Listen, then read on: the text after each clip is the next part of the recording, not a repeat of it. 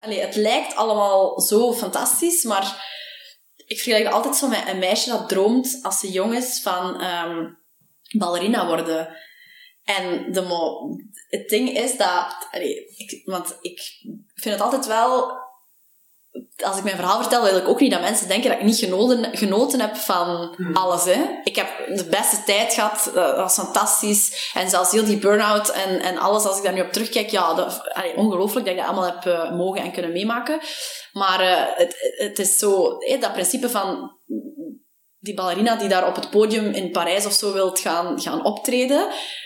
Op het moment dat je daarvan droomt, beseft je nog niet wat je er allemaal voor gaat moeten laten. Welkom bij de Tim Tom Podcast. Ik ben Timothy. En ik ben Tom. Samen zijn wij jouw GPS naar geluk en succes. Hallo lieve luisteraars, Tom hier. Voor je begint te luisteren naar deze podcast, even je aandacht. Timothy en ik hebben een cadeautje voor jou. Ben jij, net als wij, ook op zoek naar meer focus, energie en discipline in je leven? Dan heb ik goed nieuws. Speciaal voor jou hebben we onze leestips en mooiste inzichten verzameld in een handig e-book waarmee je direct aan de slag kan. Ga snel naar www.timtompodcast.com en download ons gratis e-book. Laurentien van Landegem, beter bekend als Ed Laurentien, deelt lief en leed op social media. Laurentien is wat we noemen een influencer. Door gewoon haarzelf te zijn, heeft ze een hele schare volgers en fans om haar heen verzameld. Laurentien komt uit Antwerpen en ze is oprichter en het kloppend hart van Clouds of Fashion, social media consulent, onderneemster, blogster, vlogster, schrijfster van het boek Blog to Brand en presentatrice. Kort samengevat, een straffe madame dus. De drie grote passies van deze duizendpoot waren acteren, mode en dieren. Ze deed niets liever dan op een podium staan. Toen ze zes jaar was, startte ze Dixie, theater en voordracht. Naast het lief en leed van Klaus of Fashion achter de schermen, deelt Laurentien ook haar persoonlijk leven op social media. Fans kunnen haar volgen op Facebook, Instagram en in de wekelijkse vlog die ze op YouTube plaatst. Hoewel ze nog jong is, heeft Laurentien al een succesvolle carrière achter de rug. Wil jij weten welke struggles Laurentien kende in haar nog prille carrière? Luister dan zeker verder naar deze boeiende podcast. Veel luisterplezier. Florentien. Hallo. Welkom bij ons in de podcast. Ja, ik ben blij hier te zijn. Florentien. Hey. Ja, podcasten.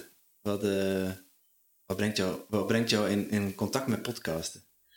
Uh, ik vind uh, podcasts heel interessant om onderweg te luisteren. Uh, we hadden er net al kort een gesprek en daar had je dat ook al aangegeven. Ik doe dat ook heel graag. Of terwijl ik wandel, want ik wandel heel veel met mijn hond. Um, soms als ik loop ook, maar meestal werkt zo'n beetje motivatiemuziek beter dan een podcast. Maar het is een beetje afhankelijk. En ik heb recent een uh, kantoorruimte gehuurd uh, op de Ankerui. Dus dat is uh, 25 minuutjes wandelen ongeveer. Te zien welke route dat ik neem. En dan steek ik vaak toch al een podcast in mijn oren. Terwijl ik naar daar wandel en dan op terugweg terug. Om eigenlijk gewoon, ik vind het altijd heel inspirerend om andere mensen te horen praten over dingen waar ze gepassioneerd over zijn. Of rond een bepaald topic. Bijvoorbeeld, vorige week had ik heel veel pijn van mijn maandstonden. En dan had ik een uh, podcast dat ik wist van, die heeft daar altijd... Uh, nee, dat is een podcast dat er eigenlijk over gaat. En uh, om daar dan meer over te weten te komen, terwijl ik dan in de auto zat met vreselijke pijnen. En dan ben ik direct daarna naar de apotheker gereden om de juiste supplementen, die ik niet nam. Um, dus ja, verschillende redenen om te luisteren. Ik vind ook wel um, ja, niet alleen inspiratie, maar ook um, gewoon mooie verhalen. Um, ja, of echt dingen te weten komen ja, over een bepaald onderwerp en mij daar wat meer in verdiepen. Dus uh, ik heb een grote liefde voor de podcast. En dan denk ik, ja, podcast geluisterd, veel podcasts. Wat zijn uw favoriete podcasts? De Tim Tom podcast? Dat ja, eh. uiteraard. Um, dus de, de Kobe Show luister ik heel graag, omdat hij zijn uh, tijd echt neemt om mensen hun verhaal te laten vertellen. En uh, daarnaast heeft Astrid Nieuwborg ook een podcast. Dat is iemand dat ik al lang volg. En we zijn zo'n beetje Instagram-friends, om het zo te noemen. We hebben elkaar ook al het echt gezien, ze, maar nu met corona is al een tijdje geleden. Ehm, de Oersterk podcast vind ik... Ah, Richard de Let. Ja, ja, vind ja, ik- ja, ja. Ha, ha, ik van. Luister ik echt eh, heel graag naar. Ehm, welke podcasts zijn er nog die ik graag luister? Ehm, ja, die ene vrouw, ik kan even niet op haar naam komen, die over ehm, de ehm, cyclus dus praat. Vind ik heel interessant. Eh, Heksen dragen sneakers is zo'n beetje eh, spiritueel. Vind ik ook heel interessant. Ik vergeet er sowieso nog. Maar eh, ja, dat, is, allee, dat zijn er toch zeker allee, een paar goeie. Oké, eh, we zijn al direct over podcast begonnen, maar wie is eigenlijk eh Laurentien van Landegem? Ja. Wie ben je en wat doe je? Ehm, ja, ik ben dus Laurentien van Landegem. Ik ben 28 jaar en ik woon in Antwerpen. Dat is zo, als je je Ja, wel ja. voorstelt, zo de typische dingen dat je zegt. Ja, meestal zeg je er dan ook nog je job bij, maar dat vind ik heel moeilijk te omschrijven. Momenteel ben ik, als je mij vraagt hoe ik mijn geld verdien, is dat dus halvelings eh, met eh, social media, met samenwerkingen, met merken waar ik echt duizend procent achter sta, want... eh 90% van de samenwerkingen weiger ik, dat zei ik er ook altijd bij. Influencer is een soort van negatief beladen begrip geworden, terwijl ik vind dat er ook heel veel goede influencers zijn en dat dat wel belangrijk is dat er... Allee, iedereen kan zijn stem laten horen op social media en dat vind ik er net zo krachtig aan. En, en dat als er een paar mensen zijn die een stem voor positieve boodschappen te vertellen eh, gebruiken, dan kan ik dat alleen maar aanmoedigen.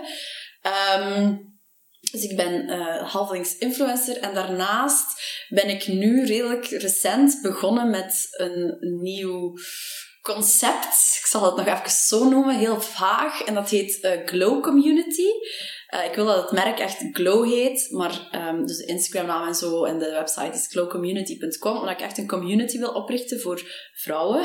Excuses, maar uiteraard mogen zijn mannen ook welkom, maar allee, het gaat vooral wel voor, op vrouwen gericht zijn. Dat is toch wel de doelgroep.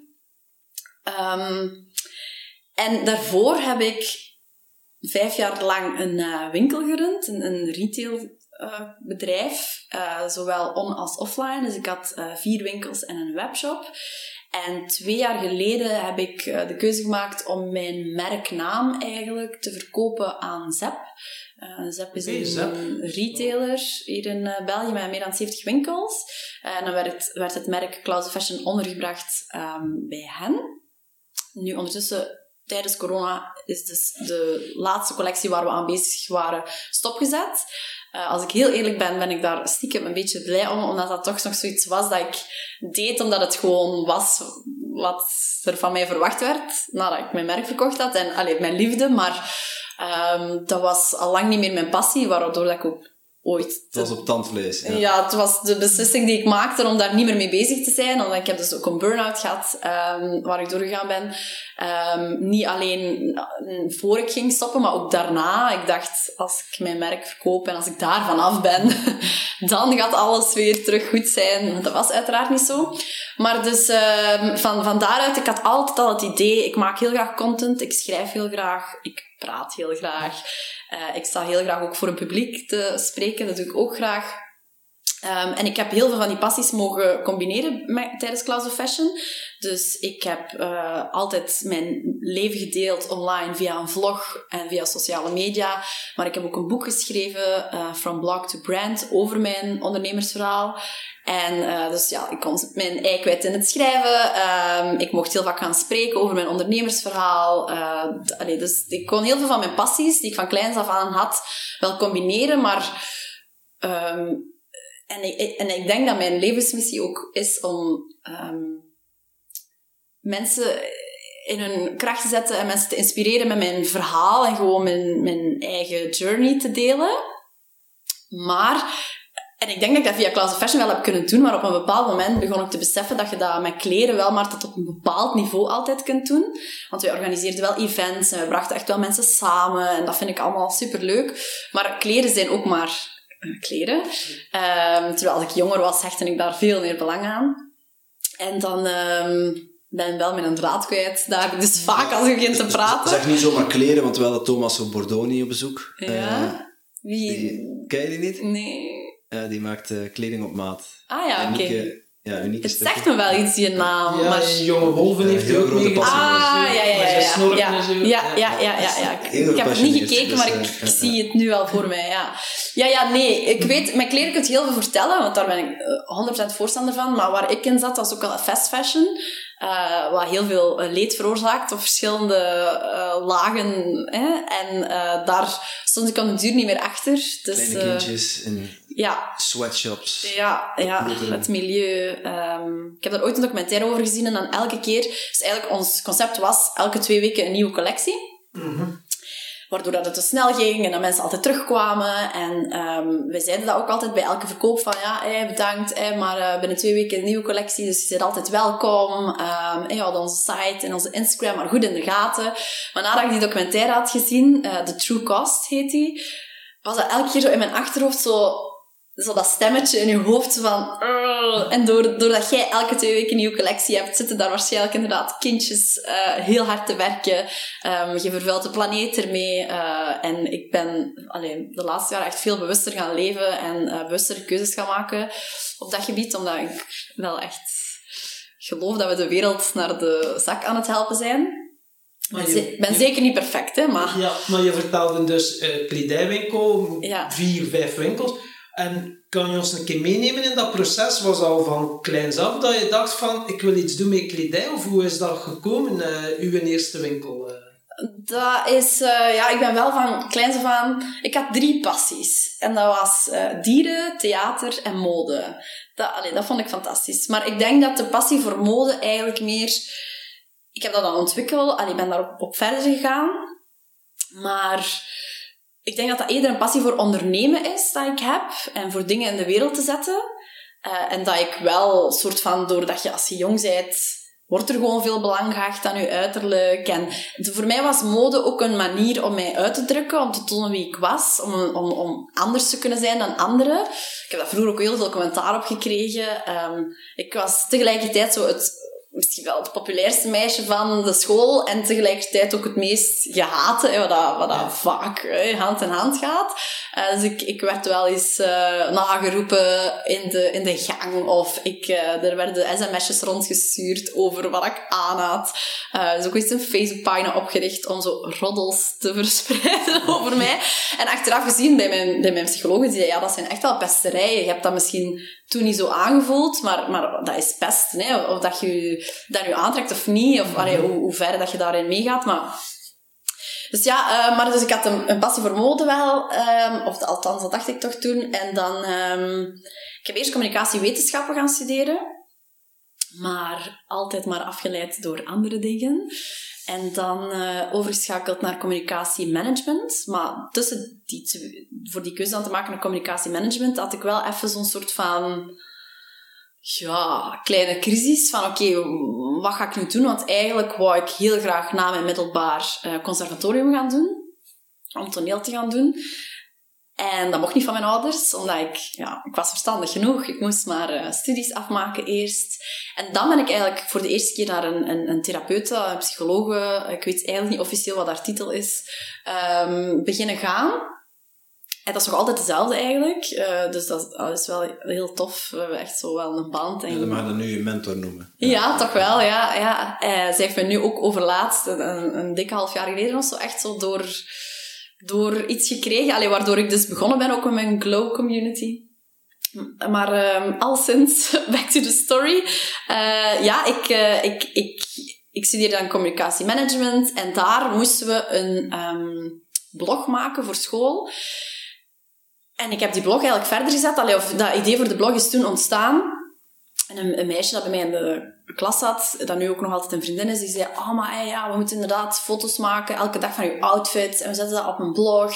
En toen was bloggen echt zo, ja, nog aan het opkomen. Ik denk dat Sophie Valkiers is zo een van de grootste bloggers van eh, België geworden ooit. Die stond toen op de meer kaartjes uit te delen van haar blog, eh, om mensen aan te zetten. En die was toen ook nog totally... Allee, niemand kende haar. Maar dus ja, en, ik vond dat wel een kei tof idee mee gestart. En dan direct een Instagram en een Facebookpagina daarvoor aangemaakt. En dan ben ik met ehm, do-it-yourself projectjes begonnen. Ik maakte van lange broek, korte broek. eh, ik schreefde teksten op t-shirten. Ik batikte kledij. Ja, ik deed zo wat van alles. En ik postte dat gewoon om te tonen wat wat ik gemaakt had. En veel mensen zeiden, oh, ik wil dat ook, kun je dat voor mij maken? Zo is de bal eigenlijk aan het rollen gegaan. Dat ik uh, het idee had voor een pop-up winkeltje te doen. Ja, ik zie de dingen altijd ineens heel groot. Top. Uh, ja. Zo'n kracht, maar ook wel een valkuil soms. Dus je zegt, je ziet het heel groot, een pop-up winkeltje. Ja, oké, ja, ik verklein het dan, maar dat was toen... Ja, ja? nee, nee, ja, dus ik wou een Je bent pop-up winkel. ondernemend, ja. Dus je, jij zegt, je, je, je ziet die behoefte. Tenminste, je, je ziet die, die mensen van, oh, dat wil ik ook. Je ziet Ja. die behoefte die denkt, pop-up winkel. gaan. Ja, ja, ja, en toen was een pop-up winkel echt een vaag begrip. Want nu heb je daar, ja, wij dan spreken boeken over van how to pop-up en er is een wetgeving rond en zo. Toen was dat heel vaag. Dat was allemaal zo'n beetje, ja, je wist niet hoe, mag dit nu officieel of mag dit nu niet? Maar ik heb dan een pand gehuurd in een, in een boerendorp eh, bij mij in de buurt. Eh, sorry voor de mensen die vandaar zijn, eh, in Elversele. Want ik ben oorspronkelijk van Temse. En eh, zelfs een bakker op de hoek ging daar failliet die zomer. Om maar te zeggen hoe weinig passage dat daar was en zo. Op een of andere manier, I made it work. En er kwamen mensen naar daar via social media. Eh, ik, ik triggerde de mensen dus constant van oké, we hebben weer nieuwe dingen. Eh, en toen ben ik ook dingen beginnen aankopen om te verkopen. En dan na twee maanden dacht ik, oké, ja, dit is wat ik wil doen. Dit is, dit is, ik, ik heb altijd, als ik, sinds ik heel klein was, eh, gezegd dat ik... eh, Nee, zo kan ik ook mijn geld verdienen. Hmm. Wat? Hè? Zo, op deze manier kan ik ook mijn geld verdienen. Ja, tuurlijk, ja. En, maar ik was dus aan het studeren, maar ik, al- sinds ik klein was, had ik altijd het gevoel van, ik ga iets anders doen. Ja. Maar ik wist nooit wat. En dat kwam ook zomaar niet op een pad. Maar ja, ik was nog maar twintig, dus ah ja. Kom je dat uit was een nog- ondernemersfamilie? Of? ja, ja, ja, ja, ja. Mijn ouders hebben een restaurant gehad, 27 jaar. Op de markt in Temse. En mijn broer heeft ondertussen acht Carrefours. Die is maar vijf jaar ouder als mij, dus dat is wel heel indrukwekkend. Die doet dat heel goed. Eh, en voor de rest, de Van Landingen-familie zit ook wel echt wel... Er was een onkel die fietsenwinkel had, ehm, een, fruitwinkel. eh, het zijn wat- van alles. En ehm, ja, toen dat op mijn pad kwam, dacht ik van oké, dit is dus dit is wat ik dus dacht. Dit, ga, dit is hetgeen dat ik anders ga doen. Dit is, ik ga stoppen met school. I don't fucking care wat iedereen ervan denkt. Ehm, ik ga dat gewoon doen. Dat voelde zo juist. Dat voelde dat, die, 100% al in. ja, die drang was zo groot. Dus niets of niemand eh, ging mij tegenhouden. En ja, wat had ik ook te verliezen, vond ik. En dan eh, een pand gehuurd op de Melkmarkt in Antwerpen. Eh, een heel klein pandje, ook weer via social media, maar ook passage daar. Want ja, we zitten in het centrum Antwerpen, dus eh, dat ging ook rond als een lopend vuurtje. Eh, ik ga het eh, kort proberen te vertellen, want dan heb ik nog een winkel, dan ben ik verhuisd naar de Nationale Straat in Antwerpen. Een groter, lichter pand, waar we meer paskotjes hadden, ook meer ruimte om kleren te hangen. Dan, ehm, maar eigenlijk nog voordat ik naar de Nationale Straat verhuisd ben, heb ik een modeshow georganiseerd. Eh, dat was eigenlijk een, een idee dat ik had, klei- heel kleinschalig. Ik wou een modeshow brengen zoals de Parijse modeshows, maar ik wou dat naar hier brengen en voor de gewone, tussen aanhalingstekens, mens die ik ook ben, hè, eh, naar hier brengen. Want in Parijs kun je er alleen maar naar gaan kijken, of in New York, als je pers bent, als je buyer bent, of als je een zotte influencer bent, of, of bekendheid. Dus ik dacht van ja, ik wil echt dat dat gewoon voor iedereen kan. En... ehm, ja, ik had dat online gezet van 80 kaartjes. Dat was 15 euro, denk ik. Je kreeg echt heel veel in return ook. Een- Een glas cava, een kortingsbon. Allee, want ze konden dan ook nadien de collectie shoppen. Dus ik, ik handelde ook altijd vanuit hoe zou ik het zelf willen. Als je die kleren ziet, wil je die direct kopen. Dus oké, laten we zorgen dat ze na de modeshow ook direct kunnen kopen wat ze gezien hebben. Ja, dat was, dat was, ik ben even toen in de zetel gaan zitten. Toen had ik nog een tv en keek ik nog tv. En ik was in de gaan zitten en voordat ik ging slapen keek ik naar mijn mail, want ze moesten ook mailen om ja, zich in te schrijven. En eh, die, er waren er al meer dan 100 verkocht, maar ik had maar 80 kaartjes. Dus ik zo van, oh, the fuck moet ik nu doen? Dus ik naar mijn broer gebeld. Oh nee, wat moet ik nu doen? volgende dag op zoek naar een grotere zaal, want dit was eigenlijk een zaaltje dat ik praktisch gratis eigenlijk mocht gebruiken. Eh, maar ja, zaaltjes huren, heel duur. Ehm, uiteindelijk toch iets gevonden, waar er dan 250 mensen konden zitten. Maar ja, dat was zo het ding van, ja... allee, als ik dat niet vol krijg, maar we hebben dus een grote familie. Papa heeft vijf broers en vijf zussen. En eh, mijn broer zei, ja, we, we vragen wel, dit is onze hele familie. en dan zit het vol. Maar ja, die kaartjes waren ook op 1, 2, 3 uitverkocht dat mijn vriendinnen echt zeiden van, ja, je hebt er toch nog één voor mij opzij gelegd. Ehm, en eh, ja, dus die eerste modeshow. En dan verhuisd naar de Nationaalstraat. Dan eh, tweede ook een kantoor bijgehuurd. Webshop echt gestart. Ehm, mensen aangenomen. eh, dan een tweede modeshow gedaan eh, voor 800 mensen. Een winkel geopend in Gent. Eh, nog een modeshow gedaan. Ik weet al niet meer of dat ik het nu in volgorde zeg, maar maakt niet uit. En jij organiseerde alles. Jij was Ja. eigenlijk het brein erachter. Ja. Of had je Ja. een team dat je mee samenwerkte Ehm, dan? de tweede modeshow voor 800 mensen in de Parkloods in Antwerpen. Daar, toen had ik nog niemand. Dan zat ik... Ah nee, dan zat ik eigenlijk ook nog in mijn klein pandje. Want ik weet nog dat er toen daarna mensen naar de winkel kwamen die die modeshow hadden meegemaakt. Omdat die meegegaan waren met een vriendin of zo. Die dan daarna ook wel die winkel eens zouden zien. Die zeiden zo... Amai, dat is hier klein. Is dat dezelfde winkel als dat die modeshow organiseerde? Dus dat was wel grappig. Maar kort daarna ben ik dan verhuisd. Ja, zo is het. En ehm, ja, dus toen had ik nog geen eh, personeel, niks. Eh, ik heb toen heel veel familie, vrienden, ik heb geluk met heel veel mensen die mij altijd hebben willen helpen, eh, opgetrommeld. En eh, alles zat in mijn hoofd, maar ik had geen draaiboek. Ik had, oh man, die dag, dat was echt een soort van... Niemand wist wat hij moest doen. Die roze loper, die lag heel verkeerd. Ik, ik was echt ook... eh, ik denk dat ik toen echt eh, niet heel lief geweest ben voor iedereen. Maar ehm, ja, dus de, en dat was dan een modeshow met daarna ook, eh er waren ook verschillende standjes. eh, maar allemaal vanuit eh, mezelf. Allee, dus we hadden een iPhone hoesje standje, een juwelen standje. En dan boven, ja, dat was mijn verdiep, daarboven was dan de winkel met de kleren. Maar ik had die andere dingen wat opgesplitst. Eh, er was ook een fotoboot, een fotowall. Ze konden hun haar, hun nagels en hun make-up laten doen. Maar je zou echt wel het Ehm, grotere plaatje ja, ja dus, eh, maar dat kwam allemaal eigenlijk van, van, vanuit mij, om het zo te zeggen. En de modeshow daarna zijn er 2000 mensen geweest die een kaartje gekocht hebben. Er is nog altijd niemand me dat, dat nagedaan. Ehm, dus dat vind ik nog altijd wel een, een heel zotte prestatie. Ik heb gewoon heel de Waagnatie afgehuurd. Eh, over het financiële plaatje ga ik niet spreken, want dat is een zeer verliesladend project geweest. Allee, ik wil daar wel over praten, maar ik bedoel, dat, allee, eh, de, de- het is niet alleen maar... eh, maar, nee, 2000 ja, eh, maar eh, het heeft mij wel o- ja, ongelooflijke naam opgeleverd en bekendheid en achteraf heel veel sales uiteraard. Maar eh, de, en dat, dat concept was dan um, modeshow met daarna ook allemaal standjes van, ehm, eh, daarna en ervoor, eh, allemaal standjes van merken die dezelfde doelgroep hadden, maar geen rechtstreeks concurrentie waren. Ehm, ik kon er zelfs ook tattoos laten zetten. Allee, zo echt eh, heel... En, ik moet zeggen, dat vind ik nog altijd een van de beste avonden van mijn leven. En daarna was er dat jaar ook een afterparty. Ehm, dus ja, dat was heel zot. Als ik dat vertel, de- is dat altijd zo... Ga ik zo even terug naar dat moment. Wat ik misschien... Allee, te weinig doe, dat weet ik niet. Maar dan besef ik zo weer van... Amai, pff, amai, ik heb echt al veel, veel gedaan. Ehm, Maar maar dus- is het ook wel eens het principe move before you're ready. Je Ja. hebt iets in je hoofd, pak, pak, pak. Ik zie wel waar dat ik uitkom. ja, dat heb ik altijd gedaan. Dat heb ik nu wel veel minder, Nee, je, je noemt het ook een verliesladend project, maar eigenlijk is het een investering. Hè? Want Ja, ja, zonder, tuurlijk. zonder die investering had je niet Nee. gestaan waar je... Nee, nee, zeker Tenminste, had niet. je niet uiteindelijk Nee, kunnen nee, nee. opbouwen om, om iets effectief te verkopen. Ja, ja, ja. Was dat, was dat dan ook... Wanneer werd dat voor jou een doel om, eh, om je bedrijf te verkopen?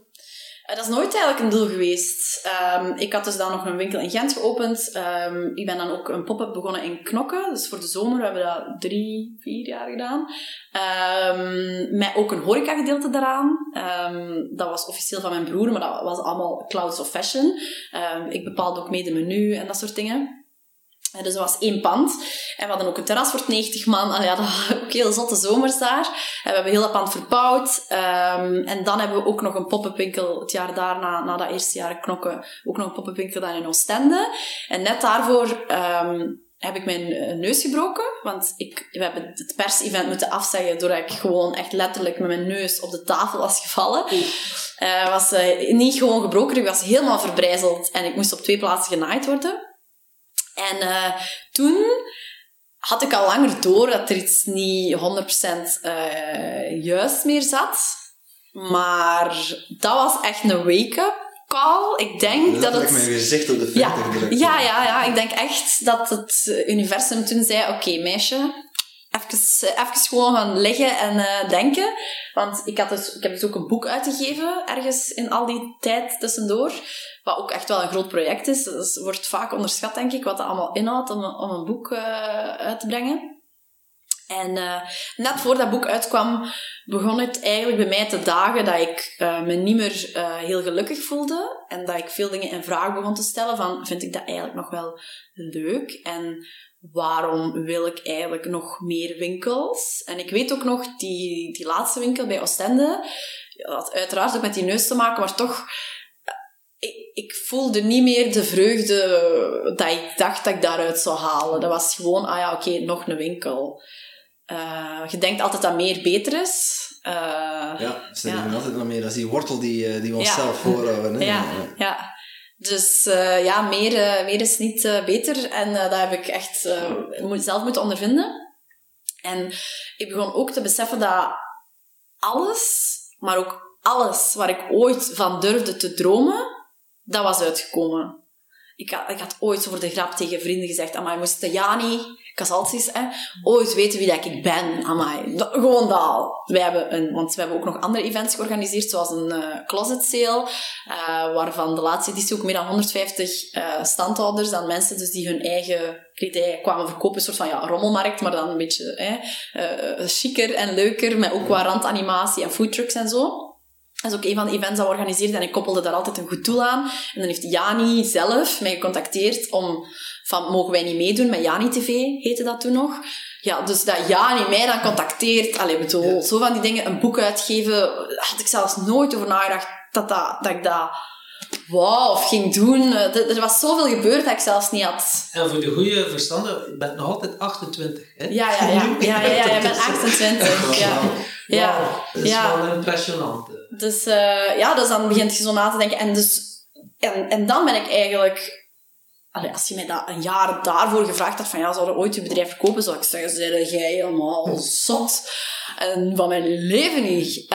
Um, maar dan heb ik echt, ben ik echt op het punt gekomen van oké, okay, ik wil dit niet meer.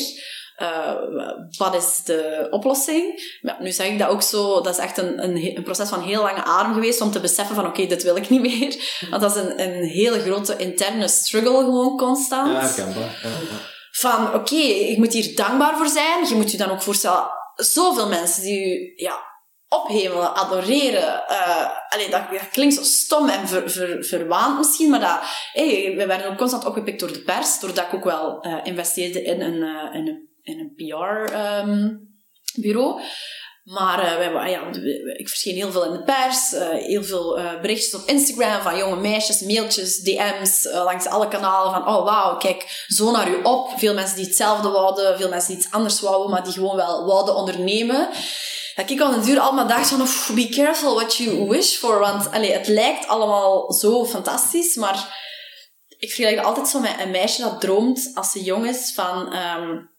ballerina worden.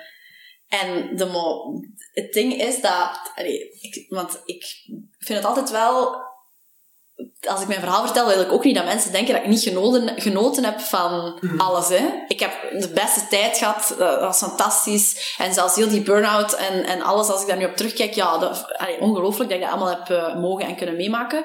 Maar uh, het, het is zo, dat principe van die ballerina die daar op het podium in Parijs of zo wilt gaan, gaan optreden. Op het moment dat je daarvan droomt, beseft je nog niet wat je er allemaal voor gaat moeten laten. je gaat je vrienden moeten achterlaten, je gaat geen normaal leven hebben, uh, je gaat elke dag uh, gewezen worden op die centimeter vet dat je te veel hebt, want je moet de lucht ingehezen kunnen worden. Allee. Wat is de prijs die je bereid bent om ja. te betalen? Ja, ja. En, en dat is iets dat ik mij nu uh, veel meer afvraag voor ik aan iets begin. En waarom het volgens mij ook veel langer duurt voordat ik echt mijn, mijn, mijn project in, gang zet van Glow Community omdat ik gewoon mij heel goed realiseer van, oké, kijk, als, als het is dat ik zeg van, oké, ik start een podcast, ja, oké, dan wil ik ook wel die podcast wekelijks online zetten. En als ik um, echt een, een online platform voor vrouwen opstart, waarin dat bijvoorbeeld mensen... Um, ja, ik weet niet, dan moet je ook, of, of een webshop opzetten, hè, dan moet je ook zorgen dat die pakketjes elke dag naar de post gaan, dat je de, de klantenservice doet, dat je, je alles wat erbij komt kijken, moet je dan wel doen, of alleen wilt je idealiter uiteraard doen. Um, maar, maar ik heb gewoon besef van, het is, het is altijd wel... Allee, ja, je moet, je moet uh, heel goed weten waar je wilt en wilt je ook daar die bepaalde dingen voor laten. En ook gaan voelen, hè, van zit ja. dat wel juist? En uh, ja. ook durven die, die keuze maken van het past niet meer bij mij. Mm -hmm, en ook ja. wel het durven loslaten, zodat er iets nieuws kan ontstaan. En, en dat heb jij nu wel gedaan. Ja. Uh, en, en, als er iets nieuws ontstaat, om dan ook ja, voor jezelf af te vragen, ben ik bereid om die prijs te betalen? En hè, zo'n podcast bijvoorbeeld, ja, dat gaat niet vanzelf, hè mensen? Nee, Eh, nee. Het is niet Ja. van, hoe, en je hebt 10.000 eh, Nee. luisteraars te pakken. Eh, ja, dat kost investeren in tijd, in energie, in, ja, in apparatuur. Mm. Ja. Ja, wel. En ik heb nu zo'n soort van ehm, rust gevonden wel. Merendeel van de dagen, merendeel van de tijd. Zeker niet altijd, maar eh, toch wel veel meer alleszins al dan vroeger. En ik ben nu heel picky als het aankomt op, oké, waar ga ik nu mijn energie in steken? Omdat ik de basis, die wil ik behouden. Ik wil, allee, we zijn constant uit balans, dat is ook oké, maar ik wil wel, er is een basis waaraan dat ik wil voor mezelf aan voldoen, als in genoeg slaap, eh, tijd om gezond te eten, tijd om genoeg te bewegen. Persoonlijke leefregels. Ja, zo echt wel die dingen te kunnen blijven doen zonder dat... Allee, ik wil daar nooit niet meer aan ten onder gaan. Allee, is misschien... Over eh, leefregels gesproken, wat zijn er zo jouw persoonlijke leefregels om echt gezond te blijven? Heb je bijvoorbeeld een ochtendroutine als je opstaat, dat je dezelfde dingen doet? Ja. Eh, Ik, eh, daar heb ik ook mijn eerste eh, webinar over gegeven. Dat heette de Glow Morning Routine. Eh, geïnspireerd op wel wat boeken dat jullie waarschijnlijk ook wel zullen kennen. Ehm, waarschijnlijk. ja, Welke ja, ja, de 5am Club. Ja. Ja, ja allee, bon. Dus ja, mijn ochtendroutine is zeer uitgebreid. Ik neem daar echt minstens een uur de tijd voor in de ochtend. Eh, ik, ik vind mijn slaap heel belangrijk. Iets wat ik vroeger heel hard eh, onderschatte. Ik was zo iemand van, ja, ja, ik kom toe met vier, vijf uur slaap. En vroeger stond ik echt op om eh, te beginnen werken, gewoon direct. Mhm. Dus ik, kwam met, met, ja, ik ging vaak pas 11, 12 uur slapen. En ik stond al om vier, vijf uur op om gewoon meer uren in een dag te hebben. Of er gebleven worden? Ja, ja, ja. En echt gewoon ja, mails, alles. Gewoon direct ook prikkels toelaten. Allee. En nu heb ik echt wel omgekeerd. Al nog tijdens Cloud of Fashion heb ik dat wel echt zoveel mogelijk proberen doen al. Ehm, maar dat was toen niet altijd even gemakkelijk. En ehm, dus ja, nu maak ik, heb ik echt de tijd, ja, mediteren, yoga, ehm, beweging, eh, visualiseren, affirmeren, eh, al die dingen. En, en, en ja, slaap gewoon echt ontdekt van, oké, dat is echt wel zo belangrijk. Dat is eigenlijk de basis voor je gezondheid. En er wordt zo weinig aandacht aan gegeven. Ehm, daarnaast eh, ja, drink ik voldoende water. Eh, ik eet grotendeels vegan. ehm, om, verschillende redenen. En voor het milieu. Ja, ik, ik geloof er ook in dat dat beter is voor mijn gezondheid. Eh, en in de eerste plaats eigenlijk voor de dieren. Ik ben al meer dan eh 15 jaar vegetariër. Oké. Dus eh, vlees eet ik al, al zo lang niet meer. Eh, en dan stap voor stap eh, ben ik andere dingen. Maar ik ben niet heel strikt, want ik haat zo het concept dat mensen... Ik denk dat dat mensen meer afschrikt om meer vegetarisch of vegan te gaan eten. Dat dat altijd zo heel... Je wordt altijd in een hokje geduwd of je moet het ineens perfect doen, want anders dan kun je er beter niet aan beginnen. Dat, dat vind ik zo'n bullshit. Eh, ik vind iedereen dat als je wekelijks een paar keer geen vlees eet, heb je ook al een kei grote impact. Ehm, dus eh, als ik ga gaan eten bijvoorbeeld, in de goede oude tijd dat dat nog kon, dan eh, als we naar een restaurant gingen waar er geen vegan optie was, dan nam ik een vegetarische optie. Ehm, omdat ik ook wel niet mijn leven daar dan weer voor wil gaan laten of altijd degene moet zijn die... Allee, iedereen is daar vrij in. Hè? Chapeau voor de mensen die dat wel doen. Eh, en als ik ergens naartoe ga, dan pak ik vaak mijn eigen eten mee. Of dan heb ik er een gesprek over van, oké, ja, hè, wat, wat schaft de pot? Maar, ehm, dus ja, dat. Wat doe ik nog? Ehm, ja, ik ben echt wel heel erg bezig met mindfulness. Eh zoveel mogelijk mijn eh, gsm, het is mijn job grotendeels, maar om die toch genoeg opzij te leggen en echt met, met, met tijdsblokken te werken waarin dat ik er gewoon niet naar kijk. Omdat En dat heb je het beste tips? werkt. Want dat is nu wel voor veel mensen, en ik moet zeggen, ik bijzonder mezelf er ook al, Ja. de roep naar gsm zitten scrollen en eh, ja, Ja. ja, echt wel zo het ver- verslaving is, is het Ja, uiteindelijk. ja, En, eh, ja. Heb jij nooit eh, eh, het gevoel gehad dat je verslaafd was aan je telefoon? Oh ja, ja, ik denk dat ik er nog altijd aan verslaafd ben. Allee, het is nu wel echt al veel beter. ehm, maar het is zo sinds twee maanden dat ik echt probeer... ja, sowieso in de ochtend zet ik hem niet aan. En dan in de avond, het uur voordat ik ga slapen, probeer ik ook... want ik moet eerlijk toegeven dat dat niet altijd lukt. mijn gsm af te zetten om echt volledig tot rust te komen en niet al die ja, gewoon ja, al die ja, prikkels te krijgen. Ehm, maar ook doorheen de dag uh, gewoon vliegtuigmodus. Dat is echt mijn beste vriend. Ik doe echt heel veel vliegtuigmodus terwijl ik werk, zodat ik geen uh, berichten kan binnenkrijgen. Als ik aan het werken ben, doe ik ook mijn mailbox echt weg, uh, zodat ik mij kan focussen op hetgeen waar dat ik mee bezig ben. En vooral mij bewuster maken van het feit dat ik die heel veel vast staat. Ook bijvoorbeeld van de living naar de wc, van thuis naar de auto. Die gsm altijd maar in mijn handen. Dat is gewoon... En ja, je krijgt zoveel impulsen van buitenaf dat je, je wordt er zo in meegezogen. Dat is ook hoe dat werkt. Hè. Ze, de, ze hebben zich daarop gebaseerd. Ja, Netflix, Netflix ja. heeft zo'n social dilemma. Als je dan ziet wat er allemaal achter zit, dan is het van wow. Ja, ja. Dus ja, ik probeer mezelf uh, gewoon uh, vliegtuigmodus of, of, of mijn wekker te werken van oké, na een uur kijk ik nog eens even of zet ik een story of, of, of post ik nog eens iets. Want ja, ik zeg het, dat hoort dus wel bij mijn dagelijkse uh, ja, to-do's, om het zo te zeggen. Maar um, ja, voor mij werkt dat wel, wel heel goed en ik merk dat ik veel meer uh, rust daardoor heb. Uh, echt peace of mind. Van oké, okay, living my life. En, uh, want ja, eens dat je begint te, te scrollen, dan je blijven kijken. En het probleem is dat je je altijd vergelijkt. Ook al weet je van die mensen hebben ook hun eigen problemen. Of, of het is niet omdat die nu vandaag dat aan het doen is, dat jij faalt omdat jij niks aan het doen bent. Uh, maar ik denk wel dat dat zo wat de ziekte is ja, of van de bang tijd. zijn dat je iets gaat missen, ja. waar Koen het over las.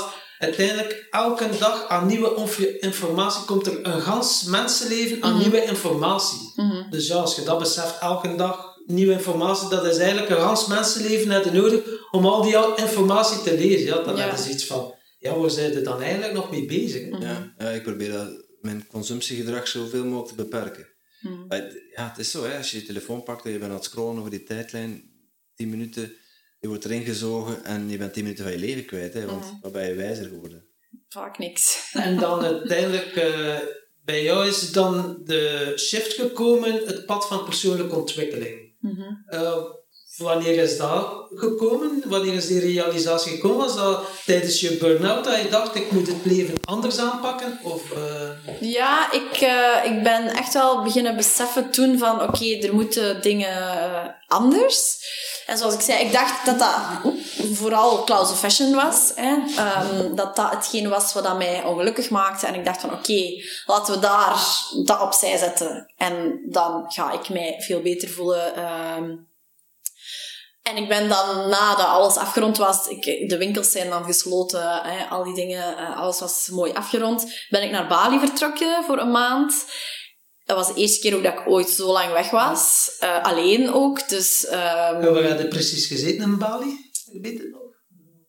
Ja, Canggu. Canggu, ah, ja, okay, uh, Simjak. Ja. Um, ja, Bali is niet zo heel groot, hè, maar allee, ik heb wel uh, ja, verschillende dingen gezien. Ja. Ik was er vooral eens geweest en dan had ik al heel veel gezien, dus ik heb toen vooral in Canggu gezeten. Ik heb daar op een hondje mogen passen, uh, in de ruil voor gratis verblijf, dus dat was echt ideaal. Um, ik heb er dan ook een hondje gevonden op straat, uh, opgevangen. Uh, dat is uiteindelijk net voor ik vertrok gestorven. Heel zielig verhaal. Maar um, ik ben mijn eigen daar echt tegengekomen. Uh, ik, ik, ik werd geconfronteerd met het feit dat je jezelf overal mee naartoe neemt. Letterlijk en figuurlijk. Allee, op alle ja. mogelijke manieren. En dat... Het, het, het stoppen met of Fashion, dat dat niet genoeg was om mezelf terug uh, te voelen zoals ik mij daarvoor voelde. Of, of, of terug zo de oude Laurentien te worden. En dan heb ik ook lang willen teruggaan naar die oude Laurentien. Uh, maar ik heb mezelf ook wel gerealiseerd dat dat misschien ook niet uh, is wat ik wil. Ik, ik wil niet meer terug in die race belanden waarin ik mezelf vergeet, zoals ik daarnet zei. Ik wil niet terug alleen maar werken. Ik wil ook echt ja, leven en genieten. En ik zeg dat nogmaals, uh, ondernemen en wat ik gedaan heb, dat, dat is ook leven. Hè? Want ik heb echt moment, dingen gedaan, dat, allee, dat, dat kun je niet... Dat is, ja, dat, dat kun je niet omschrijven, hoeveel dat ik daaruit geleerd heb en al die dingen. Maar, maar ik, ik, ik vind de balans nu wel veel belangrijker tussen hey, gaan voor al die dingen en vooral jezelf niet... Uh, jezelf op de eerste plaats blijven zetten. Ik denk dat dat het besef was dat ik, ja, zoals ik zeg, je neemt jezelf mee en je neemt ook alle Problemen en problemen en, rotzooi. en, en, en, en manieren van denken. En, en zelfs daar, ik had niks te doen. Eigenlijk. Er was niemand die nog iets van mij verwachtte, maar ik verwachtte zoveel van mezelf. Ik wou daar elke dag yoga doen. Ik wou daar elke dag sporten. Ik wou daar zoveel boeken lezen. Ik had zo twintig boeken mee in mijn valies. Ja, en ik had er toen soms ook gewoon geen energie voor. En, en dat was moeilijk te aanvaarden voor mij. En die confrontatie van... Ja, dat, dat, en dat is nu nog altijd bezig, hè, dat ik zo geconfronteerd word met, oké, er zijn grenzen aan mij. En eh, zeker omdat ik ervaren heb, eh, je ziet dat ook nog altijd in mijn bloed, eh, want ik ben bij een orthomoleculair arts. Ik heb op een gegeven moment eh, vorig jaar eh, last gekregen van acne in mijn gezicht, wat ik ervoor nooit had. En je ziet nog altijd die burn-out heel duidelijk in mijn bloed. Dus dat is nog niet volledig weg. Dus ook fysiek. Ik voelde dat al vaak mentaal nog, dat als ik te lang doorga of, of gewoon soms uit het niets dat ik weer zo'n, dat noem ik dan een burn-out dag. Ehm ik moet er misschien een ander woord voor vinden, maar Een Blue dat, ik- Monday. ja, dat ik zo echt niks, zie, dat met niks mij lukt en dat ik echt, oh, dan voel ik me zo, dan wil ik gewoon eens in mijn bed liggen en dan zou ik zelfs een serie opzetten, wat ik normaal nooit doe. Jezelf marineren in zelfmedelijden. Ja. Ja. En zo echt, en dan nog eh, eigenlijk lastig worden op jezelf, omdat je Ja, je ziet wel van, oké, wat ik aan het doen ben. Ik zou beter een wandeling maken, ik zou beter yoga doen. Maar je jezelf toch niet kunt bewegen om dat te doen. En ik had het er vorige week ook nog over met mijn ja, businesscoach, is dat dan. Het is heerlijk Van- om dan mild voor jezelf te zijn. ja. Ja, en de- dat, is, dat, dat is de kunst. En dat is wat ik wel aan het, eh, aan het leren ben. Maar je, allee, je ziet hoe lang dat, dat eigenlijk wel eh, nog, nog, nog voelbaar is. Als je op een gegeven moment gecrashed bent, dat dat niet meer zo... Nee, dat is een, Ja. een weg die je bewandelt en dat is een levenslang proces. Want Ja. Hoe, als iemand de vraag stelt, of je stelt jezelf de vraag, wanneer is het goed genoeg voor Laurentien? Heb je daar een duidelijk beeld? Ik heb er lang mee geworsteld met die vraag. precies dezelfde vraag. Ehm, wanneer is het goed genoeg? Ja, dat weet ik niet. Dat weet ik eigenlijk echt niet. Eh, dat is een goede vraag.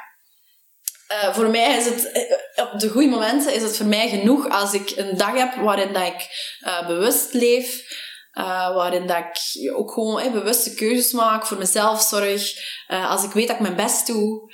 Eh, als ik op eind van de dag kan zeggen, dan wel ja, dit is nu een dag, oké, zelfs al is het dan niet uw beste dag, maar als je wel constant de keuze gemaakt hebt om voor jezelf te zorgen op de best mogelijke manier, dan vind ik een dag goed genoeg. Ehm, maar... Dat is allemaal gevaarlijk, hè? als Ja. ik mijn best doe. hè. Ja, dat is want wat is je best doen? Hè? Je Dus, echt wel over een grens gaan. en voor wie? Ja, voor, vooral voor mezelf Ja, wel. ja. Hè? Want Maar over die grens weer gaan. Je best doen is zo van, ah ja, toch weer dat maximum te proberen uit te halen. Ja. Veel mensen lopen erop leeg. Hè. Mhm. En je wordt onherroepelijk teruggefloten door het leven. Hè. ja, ja, Dus ja. ja. een paar keren dat, eh, Ja. dat doe. En, Ja. Eh, onze vraag van de vorige gast, ineens denk ik eraan. Eh, die wou graag weten van, ja, wie is jouw mentor? Of eh, wel- welke mentor heeft het meest betekend voor jou? Ja, ik heb het net al aan. Eigenlijk Misschien, misschien is er iemand anders in Ja. Ehm, ik heb wel verschillende mensen die een eh, grote impact hebben gehad op mijn persoonlijke ontwikkeling. En de, de eerste zijn, ik weet niet of dat cliché is of misschien totaal niet, maar mijn ouders zijn echt wel voor mij, ja, ik zal er al emotioneel van worden als ik er gewoon over nadenk, want die hebben mij altijd eh, zo vrijgelaten in eh, zijn wie ik was. En ik merk gewoon dat heel veel mensen, en dat probeer ik op mijn Instagram ook altijd heel duidelijk te maken, van wij leven in een maatschappij waarin we zo hard verteld worden wie dat we moeten zijn, waar we naartoe moeten, wat de verwachtingen zijn. Allee, er wordt zoveel van mensen verwacht. Ehm, en mijn ouders die hadden eigenlijk, buiten dan dat ze liefst wel hadden dat ik, wou, dat ik een studie zou doen, maar uiteindelijk als ik een ander pad ben gaan bewandelen, was dat ook oké. Toch mocht je geen toneelschool doen. Nee, toen hadden ze wel echt, dat is waar, dat is waar. Eh, maar ik ben wel blij eigenlijk dat het zo gelopen is. Eh, maar dat, dat is zeker waar. Maar voor de rest ben ik zo vrijgelaten in gewoon zijn wie ik was. En als ik maar gelukkig was, dat was goed genoeg. Ik snap wel dat ouders altijd vanuit een soort van dingen beschermend iets willen u inderdaad in een bepaalde richting duwen, omdat ze uw potentieel zien en dat ze denken van, ze kan die toneelschool toch nog later doen als de eerste studie. Ik snap dat wel en dat zeker ook, denk ik, ja, de, als ik nu kinderen zou opvoeden, denk ik dat ik dat al anders zou doen. Ik denk dat zij dat misschien ook anders zouden doen nu, met hetgeen dat ze nu weten. Maar, um, maar nee, ze, ze hebben mij altijd heel vrijgelaten in, in gewoon zijn wie dat je zei. Um, ze hebben mij heel erg gesterkt in eigen keuzes maken, in... Um, mijn papa is ook heel um, mindful. En zonder dat hij ermee bezig is, ook heel, eigenlijk wel spiritueel. Zonder dat we daar eigenlijk ooit over gesproken hebben, heb ik toch zoveel van hun meegekregen dat zo waardevol is in, in, in alles uh, wat ik doe. En ook nu, allee, eender wat ik gedaan heb met Clouds of Fashion, dat, voor een je moet je voorstellen, als je 21-jarige dochter een modeshow gaat organiseren voor 2000 mensen. De... Dat zou mij bezot verklaren. Ah, ja, ik heb ook ooit op een gegeven moment mijn haar afgeschoren. Ik heb ook een tattoo op mijn hoofd staan. Um, allee, dus ik heb echt wel wat dingen uitgestoken waarvan je denkt, wow. Um, maar mijn ouders hebben dat altijd wel omarmd. En, um, en mij de kracht gegeven om, om gewoon ja, in mezelf uh, te geloven en mij niet van de wijs te laten brengen door, door andere mensen. En nu ook op Instagram, wat ik daar soms allemaal opsmijt. Die mensen die vragen zich, die hebben mij nog nooit de vraag gesteld of, of gejudged of gezegd van, zeg, heb je nu niet wat te veel verteld? Is dat niet privé? Of zouden dat niet voor jezelf houden, zoiets? Want dat, dat hoor ik heel vaak van de, de iets oudere generatie van ja, je smijt je maar uh, je liefdesleven, je smijt je, ja. je gevoelens, je, je lief en leed, je deelt alles. Eh, hoort dat wel? Is dat nodig? Waarom? Ik krijg die vraag ik heb die vraag al veel meer gekregen van, van, van mensen mijn leeftijd dan dat ik ze van mijn ouders gekregen heb. En ik vind het wel mooi dat ze mij dat gewoon laten beleven en, en dat zij daar naar kijken. En ja, dus mijn ouders vind ik sowieso allee, allebei gewoon zo'n uh, fantastische mensen. En uh, ze zijn ook nog altijd verliefd, dus dat is ook een heel groot uh, voorbeeld voor mij. En daarnaast heb ik dus, zoals ik net vertelde, Elise heet ze. En zij is, ja, ik, ik ze is niet officieel psycholoog, uh, life coach, denk ik. En dan honderdduizend andere opleidingen gedaan. En zoals heel veel um, mensen die andere mensen begeleiden. Um, en uh, bij haar ben ik dus terechtgekomen toen ik, ja, ik had, ik had groot liefdesverdriet toen. En ik zat dus ik wist niet waar ik naartoe wou met mijn studies. Ik was aan het twijfelen om um, dieren, ja, hoe noemt dat nu weer? Niet diergeneeskunde, want dat was iets te, um, ja, chemie, wiskunde, dat is niet mijn ding. Dat, was wat te, dat ging te zwaar zijn voor mij, uh, waarschijnlijk. Dus ik wou dan zo voor dierenartsassistent is dat dan te gaan. Ik weet niet hoe die richting weer juist noemt. Of dan toch... Toch, toch geen toneelschool. Of toneelschool. Um, of dan communicatiemanagement. Allee, ik, ik wist het niet. Ik, ik ben toen naar haar gegaan op aanraden van een vriendinnetje van mij die door een scheiding van haar ouders bij haar terecht was gekomen. Um, dus ja, ik denk dat ik toen ja, 19 was of zo. Dat is toch nog redelijk jong om, om denk ik... Allee, ja. alhoewel. Um, maar er was niks traumatisch gebeurd of zo, maar gewoon om een en beetje... je voelde dat je hulp nodig had, ja, dus je bent hulp gaan zoeken. Ja, voilà. Dus uh, ik ben eraan mee gaan, gaan uh, spreken. Dat is een belangrijke les, hè. Ja. ja. Als je hulp nodig hebt, vraag erom, hè. Mm -hmm. ja. dat is waar. Ga er zelf naar op zoek. Ja, en uh, dat taboe probeer ik ook altijd te doorbreken, want ik merk dat er nog altijd mensen zijn dat daar niet over durven spreken, dat ze met iemand gaan praten, uh, vind ik zo erg. Allee. Uh, maar dus ja, bij haar terechtkomen en dan eigenlijk doorheen de jaren op en af, daar altijd wel terug terechtkomen als er iets was. ik merkte nog wel tijdens Class of Fashion van oké, okay, ik, wil, ik zou eigenlijk maandelijks moeten gaan, gewoon om, ook al is er niks, zo gezegd, om toch te gaan praten. Uh, maar ik moet zeggen dat dat heel vaak niet lukte. Um, soms was dat eens een jaar dat ik niet ging, soms ging ik een hele tijd wel. Um, maar doorheen al die jaren, allee, dat is nu toch uh, ja, bijna tien jaar dat ik ze dan Dat is uh, soms ken. raar, als je dan dus het gevoel hebt, het gaat goed, dan denk je, ah, ik heb dat niet meer nodig. En Ja. het is juist dan dat, Dat je toch wel ja. die mensen nodig hebt, Ja. dat je af en toe in een spiegel voorhouden. Want dat is zo preventief. Ik heb ondertussen ook drie coaches waar dat ik regelmatig mee maar dat is echt dat is goud, hè? Mhm. want dat zorgt zo voor je, voor je groei en zorgt ervoor dat je niet meer zo de diepte kunt ingaan. eh. Mhm. Ja, ja, inderdaad. Dus ja, allee, voor mij heeft ze echt eh, heel veel, allee, betekent mij heel veel dingen geholpen. Ook eh, met Class of Fashion, daar afscheid van te nemen op een, op een goede manier eigenlijk. Ehm, en nu ook, ik zat echt vast na twee, ik ben dus na klasversion naar Bali gegaan. Dan ik heb uh, ook wel gereisd. Een vriendin van mij, die model is, zat in Bangkok. Daar een paar weken naartoe. Uh, ik uh, ben twee, drie maanden in Amsterdam gaan wonen. en daar gaan werken in een horeca. Iets wat ik zelf... Er was een soort van studententijd dat ik gemist had. Want ik ben beginnen werken gewoon eigenlijk. Ja, redelijk snel. Worden, ja. ja, en, en ik, ik heb een grote liefde voor Amsterdam en Nederland in het algemeen. Ik, ik hou van de attitude. Allee, de mensen zijn daar toch wel anders, vind ik, dan in België. En uh, ja, dat was mijn droom altijd al om eens in Amsterdam te wonen. En ik dacht, oké, okay, ik ga dat gewoon doen.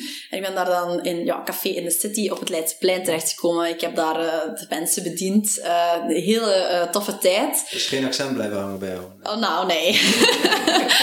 Niet echt. ik heb wel nog altijd heel veel vrienden overgehouden aan die tijd.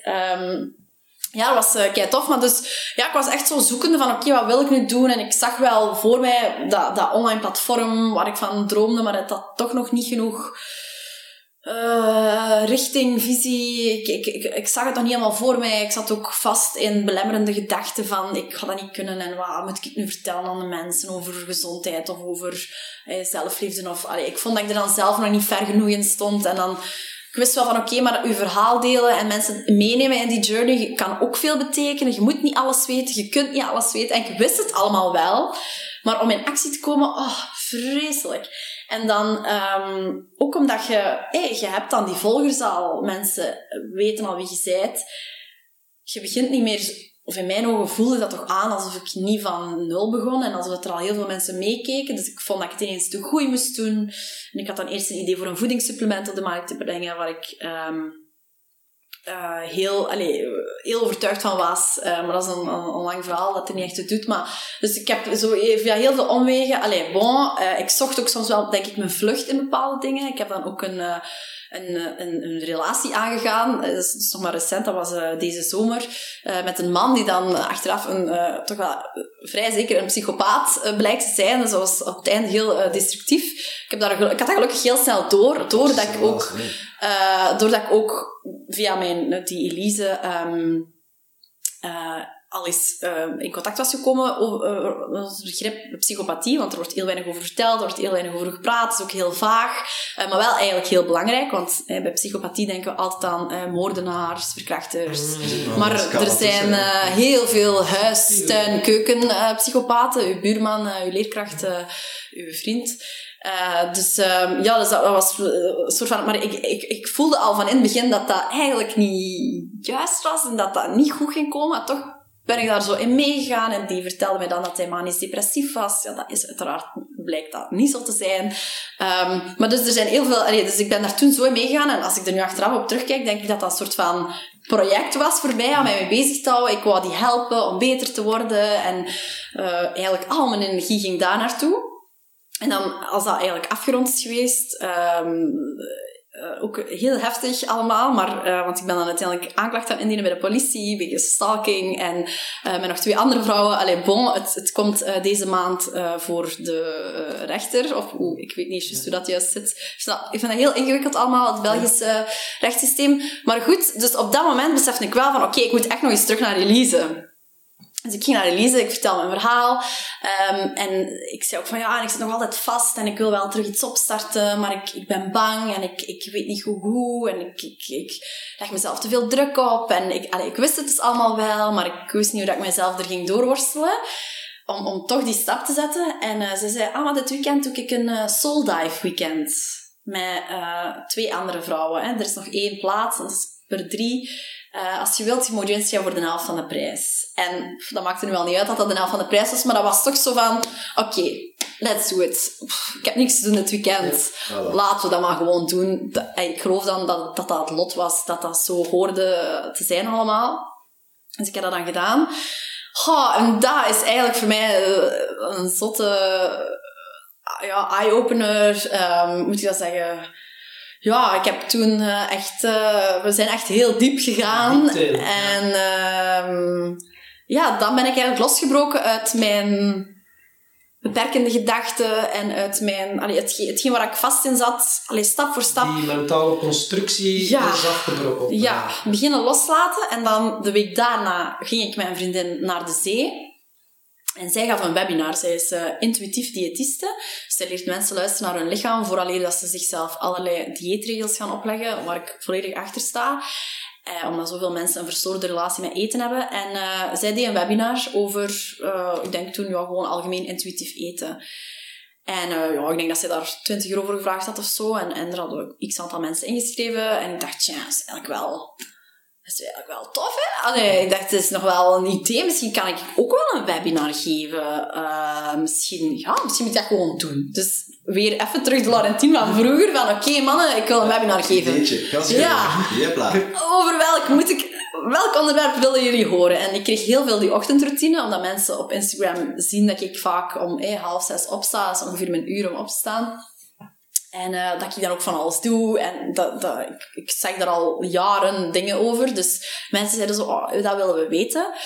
Dus ik dacht, oké, ik ga dat doen. En dan uh, nu ondertussen, ik heb het dan drie keer gegeven.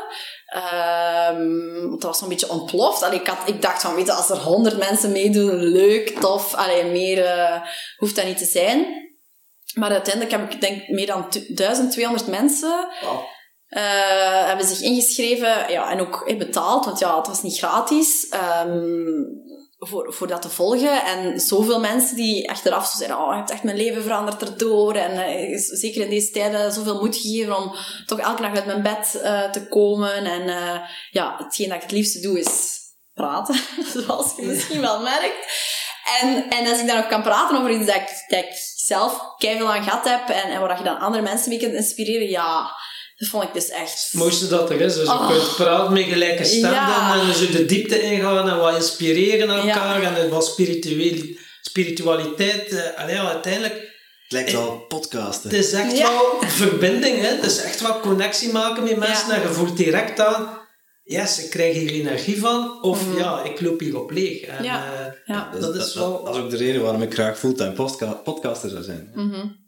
Ja. En, dat is, en dan die Glow community, hoe ver staat dat nu al? Is het al hoe dat het voor ogen hebt? Of, uh... Oh nee, nee. totaal niet. neem ons dus, mee, neem ons ja, mee. Dus uh, de, de, de openbaring kwam dus, denk uh, eind oktober, begin november. en dan twee weken later heb ik dat webinar gegeven. En we zijn nu februari. Um, ik, vanuit dat webinar is, ook, is, is wel van alles dus in gang gezet. Um, en... Um, ik heb volgende week uh, ook eindelijk een afspraak, want daar voel ik dat ik zo hard nood aan heb, aan een, uh, met een strategisch coach, om echt eens al mijn ideeën, want ik had dan ineens zoveel ideeën, dat, dat ik weer voelde dat ik in overdrive ging, van oké, okay, shit, dan waar moet ik eerst aan beginnen? En, en, en hoe ga ik dat dan juist... Ja, allee, dus ik merkte van oké, okay, ik, ik heb echt ja. ja, helderheid en focus nodig.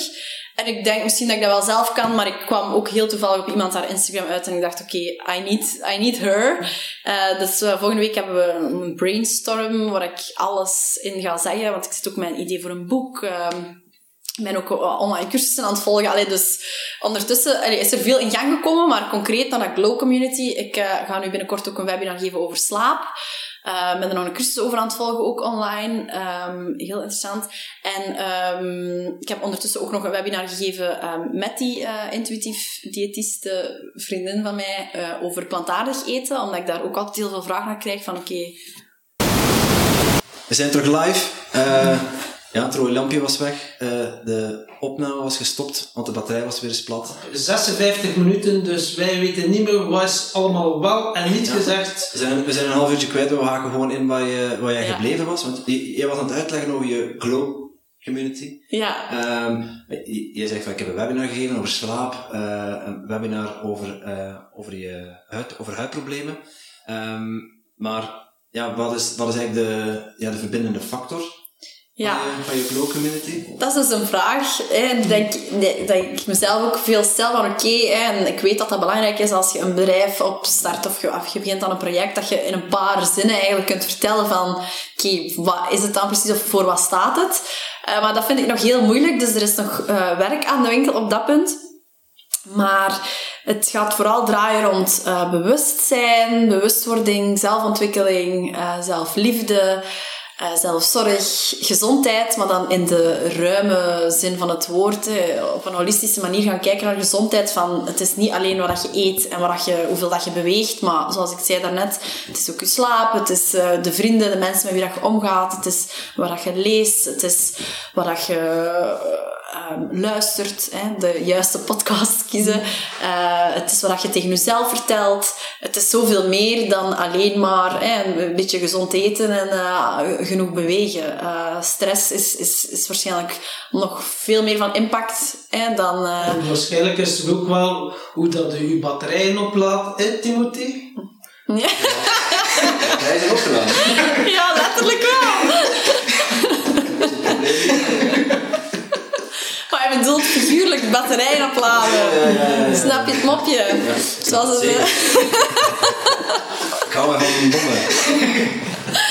Oké, maar... ehm, dus ja, nee, ik, ik, ik ben eh, gewoon... eh, ik merk dat er heel vaak... ehm, ofwel zijn er online platformen of podcasts of, of, of wat dan ook, heel erg in een bepaalde richting. Dus ofwel is het van go, go, go en ehm, chase your dreams en, eh, keep going, never quit. En dan heb je zo de, oh ja, self-love, self-care, eh, al die dingen. Ehm, maar ik vind persoonlijk dat het ook allebei kan. Dat je jezelf kunt pushen tot je limieten, maar dat je ook op tijd kunt zeggen van oké, wat heb ik vandaag nodig? Eh, misschien vandaag even rustig aan doen. Ehm, we zijn nooit 100% in balans, maar ehm, toch wel een beetje dat, dat een beetje ruimer trekken. Of, allee, of alszins hoe dat ik het allemaal ervaar, zo wil ik het brengen.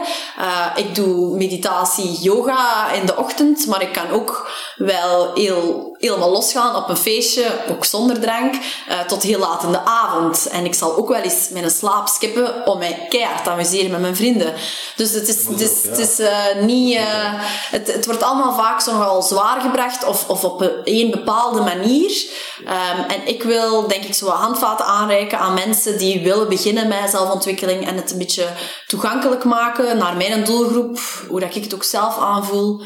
En ehm, ja, van daaruit eigenlijk. Maar ik weet niet of dat al gezegd is, maar ik ga dus met een strategisch coach aan de slag om echt eens alles uit mijn brein te dumpen op papier, wat ik persoonlijk wil, wat ik voor mijn bedrijf wil. En ehm, dan een beetje gaan zien, oké, welke richting en hoe en wat zijn de eerste stappen. Mooi. Ja, ik denk dat we elkaar een hand kunnen geven, want wij zijn met eenzelfde gelijkaardige missie bezig. Ja, Met onze, met onze groei-GPS. ja, Dus eh, ja, bij ons, bij ons hangt het... Wij, wij zien het als, eh, als een de long run. Eh, dus stap voor stap bouwen aan een leven vol energie en goesting. Ehm, maar ja, is- wij, wij beloven die 1% groei per dag. Mhm. Dus iedere dag een beetje beter wordt, dan heb je op een jaar tijd heb je een rendement van bijna 38.800% persoonlijke groei. ja, dat is ongelooflijk, hè? Als Ja, je daar dat zo over nadenkt. Dat is maar Ja. een jaar. En Ja. dat, dat is gewoon iedere, iedere dag 1% beter worden. En Ja. ja, bepaal voor jezelf welke kant, welke kant van jezelf wil je verbeteren. Mhm. ja. Dus eh, ja, misschien, misschien eh, wel tof om voor jouw volgers die, die dat interessant vinden, om eh, een cadeautje weg te geven. Ik denk er out of the blue nu, out of the box, even, ik kijk even naar rechts, naar Tom, eh, of dat hier oké is. Eh, maar anders zou ik zeggen van, je mag van ons 25 groeisessies cadeau doen aan, Ja. aan jouw volgers. Kei tof. Ja, dan kunnen ze misschien ook eens wat meer leren kennen over, over persoonlijke ontwikkeling. Ja. En ja, dan de opstap maken naar jouw, naar jouw gro- groeicommunity. Perfect. Kei tof, merci. Dus, eh, Ehm, wij, eh, wij hebben nog nog een rode draad. We zullen hem eh, terug oprapen. Eh, wij zijn benieuwd wat jouw definitie is van, eh, van geluk. ja. En we zijn benieuwd of dat die nog altijd dezelfde is als een half uurtje geleden. ja. Oh, ik vond dat ik wel goede dingen had gezegd. Nu, moet ik die, nu moet ik die allemaal terug oprakelen. Ehm, mijn definitie van geluk is, denk ik, eh, meer en meer te vinden in de, in de kleine dingen en in, in, ehm, in dagdagelijks eh, kiezen voor de zaken die mij ook echt eh, energie geven, die mij dan ja, geluk brengen. Ehm, en altijd maar minder eh, gefocust zijn op die ego-gerelateerde dingen. eh, omdat succes wordt vaak gelinkt aan ja, fysiek succes, zoals ik dat vroeger had. Hè, een winkel, mensen zien nu, ah, je hebt een winkel, ah, je doet een modeshow, je komt in de krant, ah, dan zijt je succesvol, dan zijt je gelukkig. Maar ik heb eigenlijk op uh, heel jonge leeftijd geconfronteerd geweest met het feit dat succes niet gelijk staat aan gelukkig zijn. En dat nog een winkel u niet blijer gaat maken. Maar dat je echt intern moet gaan zoeken van oké, wat, wat is het echt dat mij uh, gelukkig maakt? Uh, en ik vind dat er in de maatschappij veel te veel gefocust wordt op die, op die uiterlijke dingen of op die, op die ja, tastbare vormen van succes die je kunt meten. Of meetbaar is misschien beter om het te zeggen. Van oké, okay, zoveel... Zichtbaar misschien. Ja. Het is ook keeping up appearances. Ja, zo, zoveel euro op de bankrekening of, of zo'n dikke auto waar je mee rijdt of, of, of al dat soort zaken. Um, dat, dat, dat is meetbaar, dat is zichtbaar, dat is, dat is eh, tastbaar. Maar dat zijn niet de dingen voor mij die, uh, die mij geluk brengen. Um, ja, ik wil het echt meer zoeken in mezelf constant uh, verbeteren en ontwikkelen. Daar haal ik echt heel veel voldoening uit. En ook ja, doen wat ik elke dag doe. Uh, communiceren met mensen, connectie maken door dingen te delen online en mensen mee te nemen in mijn journey. En um, te horen krijgen dat je die hele leven veranderd hebt, ja, dat, is, dat was soms ook al tijdens Clouds of Fashion, maar dat was dan vooral business-wise. Van oké, je hebt me echt geïnspireerd om mijn zaak te starten of zo. Maar um, zo echt mensen in hun kracht zetten en mensen uh, helpen met uh, zichzelf te durven zijn in, in deze wereld die toch wel constant verlangt om, om op ons op een bepaalde manier te gaan gedragen. Um, dat is voor mij echt uh, succes nu. En ik vind het heel belangrijk dat iedereen voor zichzelf echt gaat kijken van oké, uh, wat is succes voor mij? En uh, los van alle maatschappelijke verwachtingen.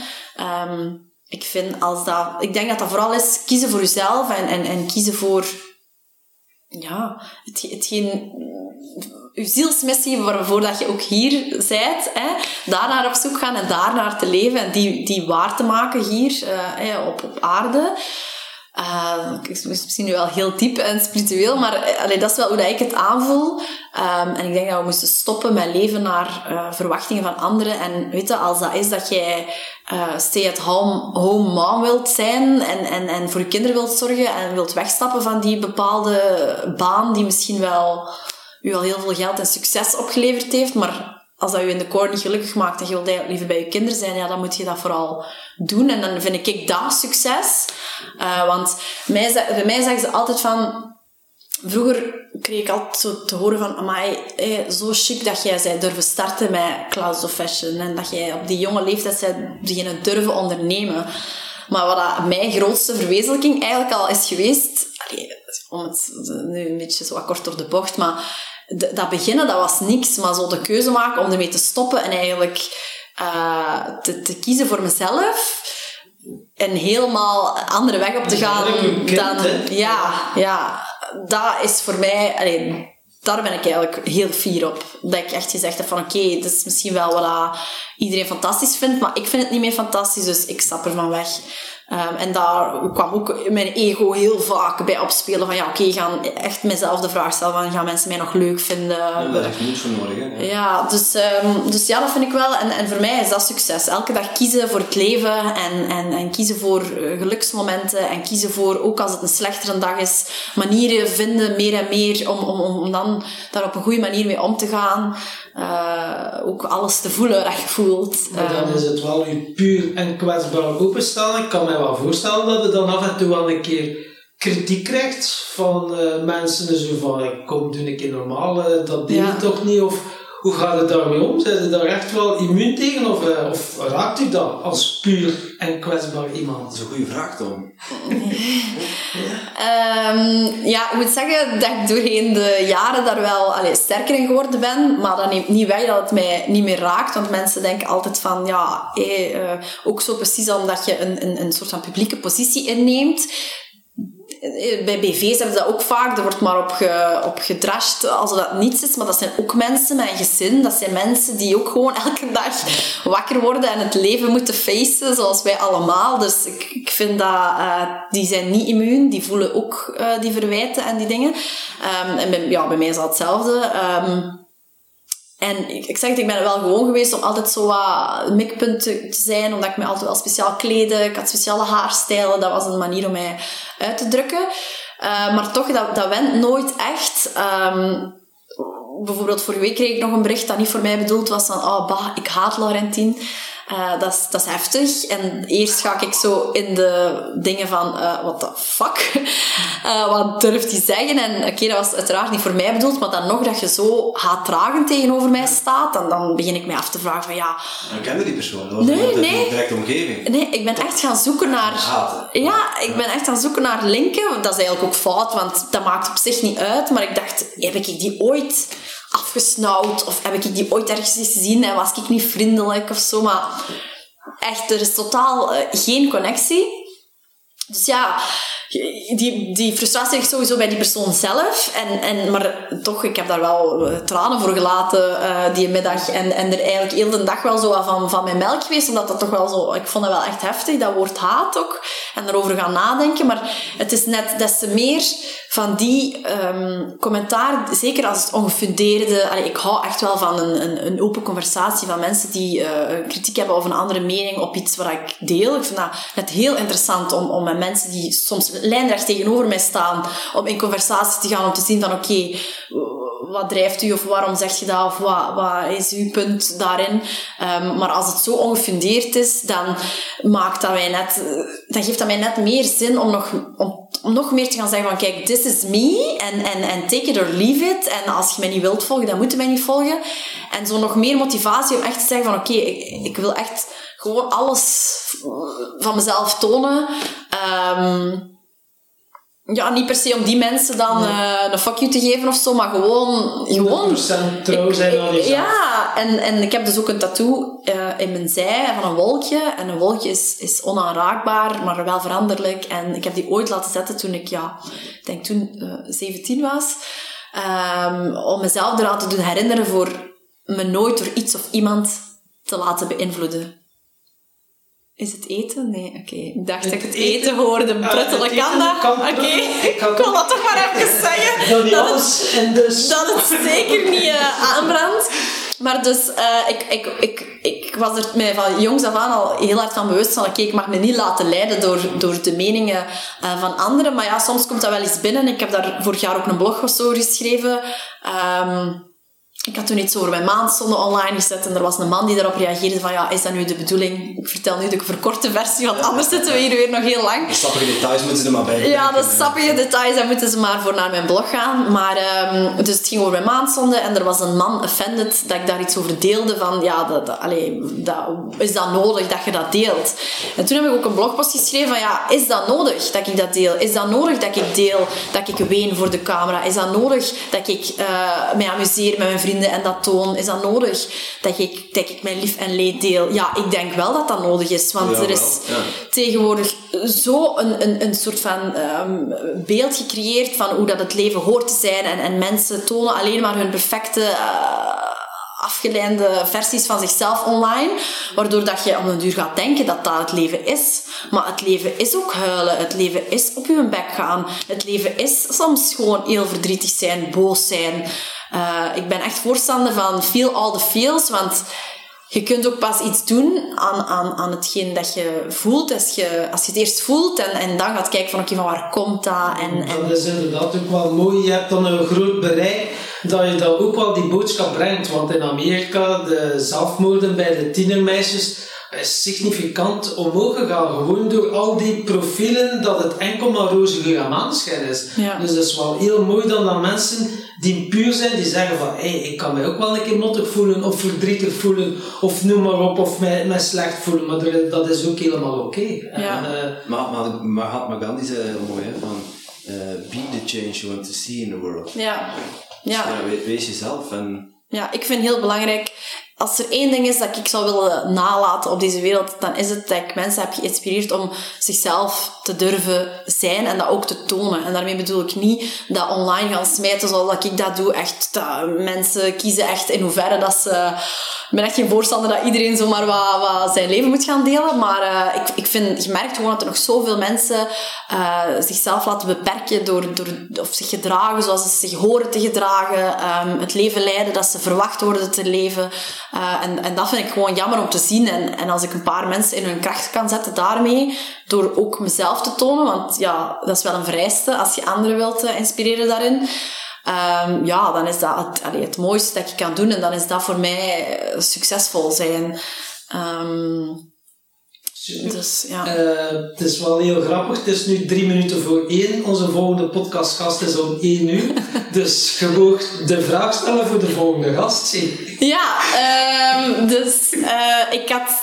De vraag is... ehm, of hij of zij... eh, ehm, in hoeverre dat hij erin slaagt om zijn gevoelens te uiten. En als daar dan bijvoorbeeld kritiek op komt, hoe dat hij daar dan mee omgaat. Om een beetje in te haken op het eh, laatste onderwerp. Mooi, dankjewel. Als eh, mensen meer willen weten over jou, waar kunnen ze dan meer informatie vinden? Eh, ja, ik zei Google, vind je veel, maar jij zei, geloof niet alles wat erop staat, dat is ook waar. Ehm, maar ehm, gewoon op Instagram is eigenlijk het makkelijkste, uh, Laurentien. Dus L-A-U-R-E-N-T-I-N-E. En uh, daar vind je ook mijn e-mailadres, mijn uh, YouTube-kanaal, mijn website, uh, mijn e-mailadres. Dat heb ik misschien al gezegd. Um, dus um, ja, heel makkelijk te vinden, denk ik. Je gaat allemaal daarheen. Ja. voilà. Tot slot ben ik wel benieuwd. Je had het net over een tattoo op je hoofd. Ja. wat staat daarop? Ja, dat is uh, mijn uh, levensmotto toch nog altijd wel. Uh, Fortune favors the brave. Dus het lot beloont de dappere. En ik, ik geloof er heel hard in dat het universum u zal belonen als je echt het leven gaat leiden dat je bestemd bent om te leiden hier op aarde. En dat je daarvoor uiteraard dapper moet zijn en soms tegen de stroom in moet gaan. Um, of dingen moet doen out of your comfort zone. Um, om, om verder te kun, kunnen groeien. dat betekent dat je dapper bent. En ik geloof dat het lot u daarvoor zal belonen. En we moeten er ook aan bij zeggen, dat is de juiste uitgeval. We hebben dat bewust gedaan. Dus we wisten dat je graag toneelschool en Ja. conservatorium, dus dan moet je af en toe repeteren. Ja. Dus we hebben een repetitie gedaan. Ja. En nu, kijk, ik heb dat alles mogen zeggen en nu was het. Ja, bedankt daarvoor. Bedankt voor die kans. Dus gratis en voor niets. hè. Ongelooflijk. Nee, ik vond het heel, eh, heel aangenaam om hier te zijn. En eh, ik ben blij dat ik jullie heb leren kennen. letterlijk, maar ook eh, online eh, met de podcast. Ik ga zeker nog veel luisteren. Dus eh, Super. merci. Merci. En ik zou er gaan toevoegen, ja, als er iemand is voor de techniek, één Ja. adres, dat is uw team.